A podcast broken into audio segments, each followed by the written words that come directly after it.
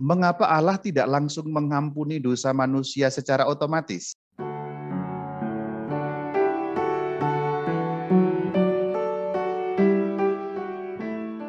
Saudara-saudari semuanya yang tergabung di dalam ruang virtual ini, Shalom Alaikum. Kita akan membahas mengapa Yesus harus menebus. Maka bagian yang pertama ini akan kusampaikan pertanyaan-pertanyaan umum yang muncul, bisa jadi dari kita sendiri, bisa jadi dari orang yang non-katolik yang bertanya kepada kita. Yang pertama, pertanyaan yang penting untuk dijawab adalah mengapa Allah harus menjadi manusia? Pertanyaan yang kedua, bukankah Allah bisa membereskan masalah dari atas? Maksudnya atas itu surga. Kenapa sih harus turun ke bumi menjadi manusia? Ini ada hubungan dengan pertanyaan yang nomor satu tadi. Pertanyaan yang selanjutnya, mengapa Allah menjadi tampak kejam atau bahkan kejam dengan mengorbankan putranya sendiri. Yang terkait dengan itu, nah ini menarik yang akan nyambung dengan tema kita, mengapa Allah tidak langsung mengampuni dosa manusia secara otomatis? Kalau Allah Maha Kuasa kan tinggal bersabda saja, ku ampuni dosa-dosa manusia sejak awal penciptaan sampai akhir zaman. Bukankah beres bukan? Kenapa orang bertanya begitu? Karena nalar kebanyakan orang mengatakan seperti ini. Allah kan maha kuasa, jadi Allah bisa apa saja. Allah kan maha pengampun, jadi bisa menghapus dosa begitu saja. Yang dimaksud begitu saja itu otomatis. Bersabda, hapus dosa, dan dosa itu otomatis terhapus. Pertanyaannya adalah, bisakah Allah menghapus dosa-dosa manusia begitu saja dengan bersabda? Tentu saja bisa, saudara-saudari. Namun, kalau kita mengatakan demikian, bisa Allah tinggal bersabda selesai karena Allah Maha Kuasa. Tapi pertanyaannya masih berlanjut, yaitu kalau Allah menghapus dosa-dosa manusia begitu saja dengan bersabda, fuh, selesai, fuh, terhapus. Ke mana perginya dosa-dosa itu? Ini pertanyaan lanjutan yang penting sekali. Persoalannya kan di sana. Kenapa dikatakan begitu? Karena dosa adalah utang. Pemahaman dosa adalah utang itu hal yang penting untuk kita pahami supaya kita dapat paham apa artinya menghapus dosa, apa artinya menebus. Pernyataan saya bukan tanpa dasar. Kalau saya mengatakan dosa adalah utang, itu bukan karena opini saya. Alkitab mengatakan demikian. Paling kurang ada dua ayat yang menyebut mengenai itu, ada dua periko. Yang pertama referensinya dari Injil Matius pada pasal yang ke-18 ayat 23 sampai 35. Yuk kita lihat.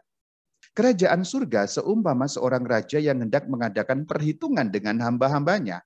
Dihadapkanlah kepadanya seorang yang berutang 10.000 talenta. Ayat 33. Bukankah engkau pun harus mengasihi kawanmu seperti aku telah mengasihani engkau? Ini perkataan sang raja. Tuannya itu pun marah dan menyerahkannya kepada Al-Guju Al-Guju sampai ia melunasi seluruh utangnya. Kemudian ayat 35 bagian terakhir bicara mengenai pengampunan. Berarti utang yang dimaksud dalam ayat-ayat sebelumnya itu gambaran dari dosa. Yaitu utang yang dihapuskan sama dengan dosa yang diampuni. Kalau demikian dosa itu sama dengan utang.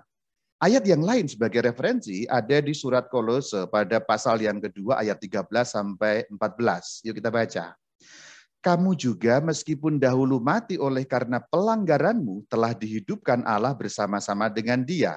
Sesudah ia mengampuni segala pelanggaran kita dengan menghapus surat utang. Kemudian ayat 14 kita lanjutkan dengan menghapus surat utang dan itu ditiadakannya dengan memakukannya pada kayu salib. Jadi dosa adalah utang. Referensi dalam Alkitab jelas. Maka kita mengatakan dosa adalah utang merupakan pernyataan yang sangat Alkitabiah, bukan merupakan opini dari Ramabayu. Maka dengan pemahaman dasar dosa sebagai utang, aku membuat gambaran-gambaran simpel untuk menggambarkan supaya nanti ketika kita membaca ayat-ayat Alkitab lebih jelas. Kalau aku langsung mulai dengan ayat Alkitab, apalagi mulai dengan ilmu teologi yang tinggi-tinggi, kita sulit biasanya memahami itu. Aku suka pakai metode Jepang. Jepang itu jelas dan gampang. Sehingga gambaran-gambaran simpel ini akan lebih membuat Anda mengerti lebih dulu paham dasarnya. Ada dua orang, namanya Robin dan Ayub. Ayub punya utang kepada Robin. Ayub tidak mampu membayar utangnya. Kemudian Robin membebaskan utang si Ayub. Ketika Robin membebaskan utang Ayub, kan sebenarnya hanya kata-kata. Yub, aku membebaskan utang kamu. Gua anggap lunas ya Yub. Kira-kira begitu. Itu hanya kata-kata. Tetapi yang hanya kata-kata itu ada konsekuensi di belakangnya. Yaitu sebenarnya siapa yang membayar utang Ayub? Coba Anda pikir. Ya nggak ada Rama. Masa nggak ada? Kan Ayub punya utang kepada Robin. Lalu siapa yang sesungguhnya membayar utang Ayub? Atau kalau dalam perkataan lain, siapa yang menanggung kerugian atas utang itu? Jawabannya adalah Robin. Sebenarnya yang menanggung utang itu adalah Robin sendiri. Robin menyerap utang itu kepada dirinya. Semoga Anda mulai paham maksud saya. Anda sudah mulai lihat duduk perkaranya kan? Ketika orang mengatakan utang kamu lunas kepada orang yang lain, sebenarnya orang yang berkata utang kamu lunas itulah yang menanggung utang itu sebenarnya. Ketika Robin mengatakan Ayub utangmu lunas, Robin sendirilah yang sesungguhnya menanggung atau tanda petik membayar utang si Ayub itu.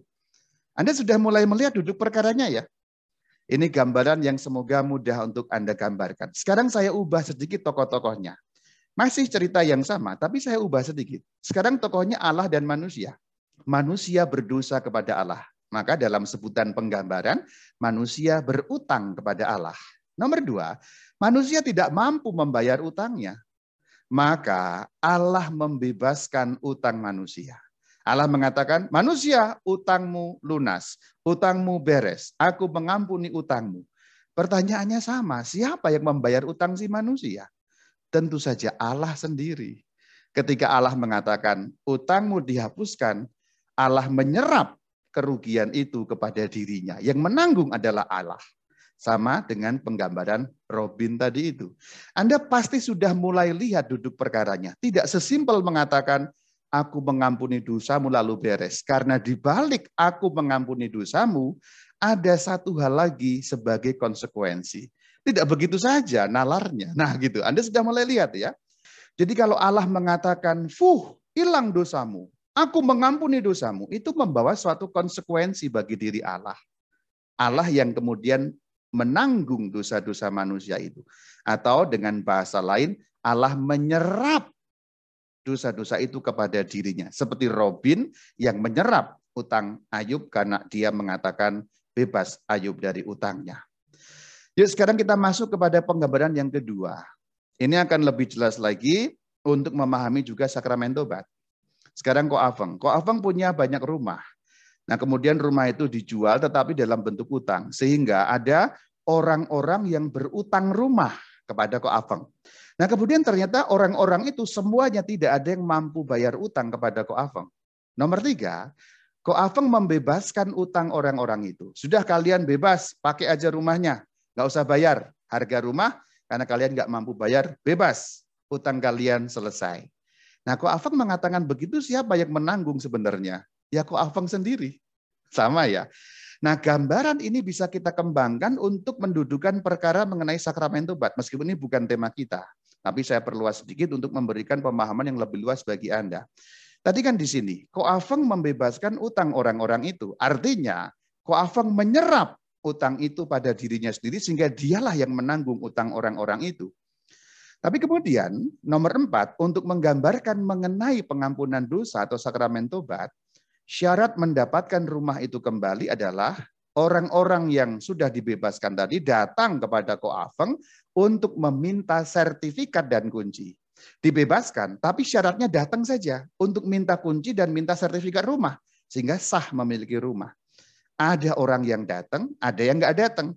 Kalau orangnya datang, dia mendapat rumahnya kembali. Kalau tidak datang, maka dia tidak dapat sertifikat, tidak dapat kunci, sehingga tidak mendapat rumah mereka kembali. Padahal sudah dibebaskan. Nah itulah sakramen tobat sebenarnya. Hanya kita butuh datang untuk mengambilnya saja. Itu istilahnya begitu. Tapi ini bukan tema kita mengenai sakramen tobat. Nanti Anda boleh klik saja channel YouTube Katkit mengenai itu. Oke, kita kembali kepada gambaran Koafeng tadi. Dan juga terutama gambaran yang di bagian depan Allah dan manusia tadi. Kita harus ingat, perkataan selesai utangmu hilang dosamu, kuampuni dosamu, kuhapuskan utangmu, membawa konsekuensi bagi diri Allah. Allah yang harus menanggung dosa-dosa manusia. Pada akhirnya, ketika Allah mengampuni dosa kita, yang menanggung itu Allah. Itulah persoalannya, saudara-saudari. Jadi tidak gampang. Orang seakan-akan nalarnya gampang. Allah kan tinggal fuh gitu. Iya, iya. Tapi ada konsekuensi dari ucapan mengampuni dosa itu. Seperti ada konsekuensi ketika Robin menghapuskan utangnya si Ayub. Sampai di sini Anda pasti sudah paham apa yang dimaksudkan mengampuni dosa. Mengampuni dosa berarti tanggungannya itu pindah kepada yang mengampuni. Dosanya manusia, manusianya diampuni, berarti tanggungan dosa itu pindah kepada Allah. Allah yang harus menanggung dosa itu. Itu sebenarnya yang terjadi. Ketika kita sudah paham dengan gambaran-gambaran ini, kita akan maju satu langkah. Sekarang kita mulai masuk kepada Alkitab. Gambaran ini memudahkan Anda untuk paham isi Alkitab dan nanti teologi Katolik mengenai pengampunan. Pertama kita akan lihat siapa itu Yesus. Kalau pengen tahu siapa itu Yesus, buka Injil Yohanes pada bagian paling awal bab pertama ayat pertama. Pada mulanya adalah firman. Firman itu bersama-sama dengan Allah dan firman itu adalah Allah. Inilah identitas Yesus Kristus. Yesus Kristus adalah firman Allah. Firman itu adalah Allah. Langsung nyambung ke ayat yang ke-14. Firman itu, firman yang mana? Yang disebut pada ayat 1.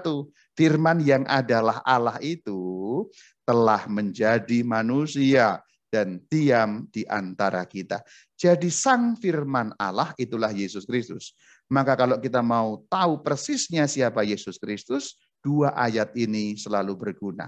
Yohanes 1 ayat 1 nyambung ke Yohanes 1 ayat 14. Yesus Kristus adalah firman Allah.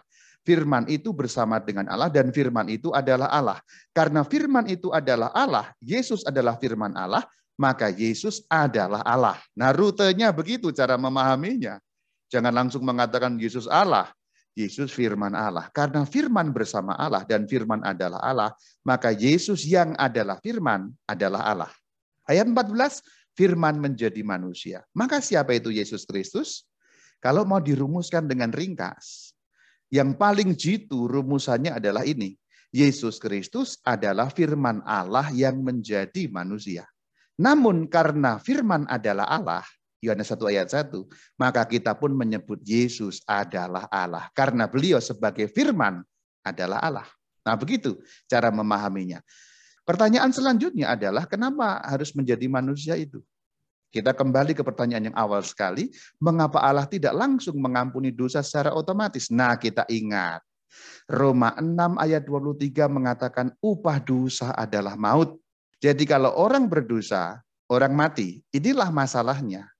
Jadi ketika orang terkena maut, manusia terkena maut, seperti pada saat awal mula dulu, maut itu sudah menjalar dari sejak semula ketika Adam dan Hawa makan buah yang dilarang sehingga mereka mati. Kita baca dalam kejadian 2 ayat 17. Janganlah kau makan buahnya, sebab pada hari engkau memakannya pastilah engkau mati.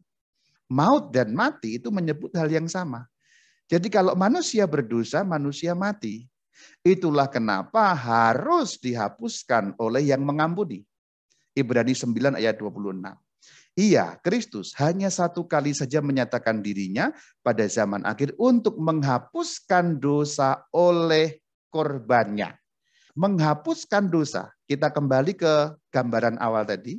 Siapa yang menghapuskan dosa? Allah. Berarti Allah harus menanggung dosa itu. Ingat gambaran tadi itu. Ketika mengatakan hutang lunas, Orang yang mengatakan hutangmu lunas itulah yang sebenarnya menanggung. Ketika Allah mengatakan aku menghapus dosamu, Allah harus menanggung itu. Dengan cara apa? Di sini dikatakan dalam surat Ibrani 9:26 dengan korban, korban Kristus. Kristus harus turun ke bumi karena untuk menghapus dosa.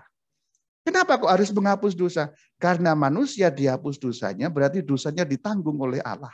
Aha, ingat di bagian awal. Kenapa harus berkorban? Sekarang pertanyaan selanjutnya. Jadi kalimat ini memang membutuhkan penjelasan. Menghapus dosa oleh korbannya. Mengenai menghapus dosa kita sudah paham. Tapi kenapa harus berkorban? Yuk pelan-pelan kita pahami. Menghapus dosa oleh korban. Berarti korban yang dimaksud korban Kristus harus mati di kayu salib. Landasannya ada di Ibrani 9 ayat 22. Tanpa penumpahan darah tidak ada pengampunan. Kristus disalib berarti ada penumpahan darah. Ada penumpahan darah berarti ada pengampunan. Pertanyaannya bagi kita orang modern ini, kenapa harus darah? Penumpahan darah adalah maut, mati. Darah tertumpah itulah kematian, itulah maut. Maka kita ingat kembali Roma 6 tadi itu, 6 ayat 23, upah dosa adalah maut. Yang berdosa manusia, yang harusnya mati siapa? Manusia. Tetapi karena manusia dibebaskan, yang harus menanggung siapa? Yesus. Jadi mautnya dipindahkan kepada Yesus. Seperti ketika Robin mengampuni atau menghapuskan dosanya si Ayub tadi. Ingat Roma 6:23 ini. Upah dosa adalah maut. Jadi nalarnya seperti itu. Bagaimana nalar mengenai penebusan ini memang tidak terlalu gampang, tapi juga bukan terlalu sulit. Hanya memang memerlukan step by step untuk memahaminya. Nah, saya ulangi dari sini ya. Penumpahan darah berarti maut. Kenapa Yesus harus mengalami maut? Karena upah dosa adalah maut. Sebenarnya siapa yang harus mengalami maut? Manusia yang berdosa. Tetapi ketika Allah mengatakan dosamu diampuni, kemudian dosa itu harus ditanggung oleh siapa? Oleh Allah sendiri. Ketika Allah mengatakan dosamu diampuni wahai manusia, Allah seperti menyerap seluruh dosa itu kepada dirinya. Dan yang harus menderita adalah firman Allah yang menjadi manusia. Ingat Yohanes 1 ayat 14. Nalarnya seperti itu saudara-saudari. Sehingga dengan itu kita memahami bagian ini. Dengan sekali lagi mengutip pada bagian awal perumpamaan tadi. Ketika Allah mengampuni itu tidak begitu saja. Ada konsekuensi di balik itu. Ingat gambaran mengenai utang tadi dan Anda tahu perkaranya. Maka Rasul Petrus mengingatkan bagi kita dalam 1 Petrus 1 ayat 18 sampai 19, kamu telah ditebus dengan darah yang mahal yaitu darah Kristus. Ditebus maksudnya apa? Kamu yang harusnya mengalami maut, kemudian mautnya itu dipindahkan kepada Yesus. Ketika Allah menghapus dosamu, maka Allah lah yang harus menanggung dosa itu. Itu maksudnya ditebus itu seperti itu. Digantikan yang harusnya mati manusia, tapi inilah Allah sendiri yang harus mati, yaitu Allah yang menjadi manusia menurut Yohanes 1 ayat yang ke-14. Ayat yang lain dalam 1 Korintus 7 ayat yang ke-23, kamu telah dibeli dan harganya telah dibayar lunas. Tapi memang ingat dosa itu utang, itu persoalannya. Sehingga istilah-istilah yang dipakai ditebus. Karena utang. Kemudian kalau kita lihat di surat pertama Korintus, dibeli karena utang, dibayar karena utang. Nah, Alkitab sendiri menggunakan kiasan-kiasan pembayaran karena dosa sekali lagi adalah utang. Nah, bagian terakhir saya kutip lagi Kolose 2 ayat 13. Kamu juga, kamu juga berarti kita, meskipun dahulu mati oleh pelanggaranmu, telah dihidupkan Allah bersama-sama dengan dia, yaitu maksudnya Kristus. Perhatikan, meskipun dulu mati, ah, mengalami maut. Perhatikan, ini ini lalu menjadi lebih bermakna ketika kita sudah mendalami bagian awal tadi. Kita mati karena pelanggaran, karena dosa upahnya maut tetapi dihidupkan yang berarti mautnya itu dipindahkan kepada diri Allah karena Allah mengampuni dosa kita. Kalimat lanjutannya dalam ayat 14, sesudah ia yaitu Kristus mengampuni segala pelanggaran kita dengan menghapuskan surat utang. Surat utang berarti menghapuskan dosa. Kalimat terakhir, dan itu ditiadakannya dengan memakukannya pada kayu salib. Seperti yang tertera pada gambar itu. Demikian saudara-saudari pemahaman dasar mengapa Yesus harus menebus. Pertama, kita harus tahu dulu siapa Yesus. Yesus adalah firman Allah yang adalah Allah. Yang kemudian Yohanes 1 ayat 14 firman itu menjadi manusia. Nomor dua, ketika Allah mengampuni dosa manusia itu tidak begitu saja. Dosa itu kemudian diserap, ditanggung oleh Allah. Dan Allah yang menjadi manusia adalah Yesus Kristus yang harus menumpahkan darahnya untuk menghapus dosa. Kenapa harus menumpahkan darahnya? Penumpahan darah adalah kematian atau maut. Kenapa begitu? Harus ada darah, harus ada maut. Upah dosa adalah maut.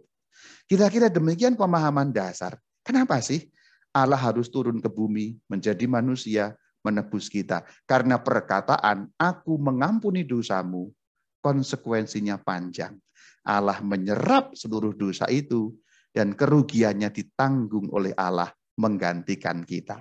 Bagian terakhir, kalau kita sudah melihat betapa luar biasanya Allah kita itu, kita bersyukur ternyata ya Allah kita ini bukan Allah yang di atas sana enak-enak saja, tetapi benar-benar bela-belain kita supaya kita jangan mengalami maut karena kita telah berdosa yang upahnya adalah maut. Karena mautnya Kristus, kita menjadi hidup.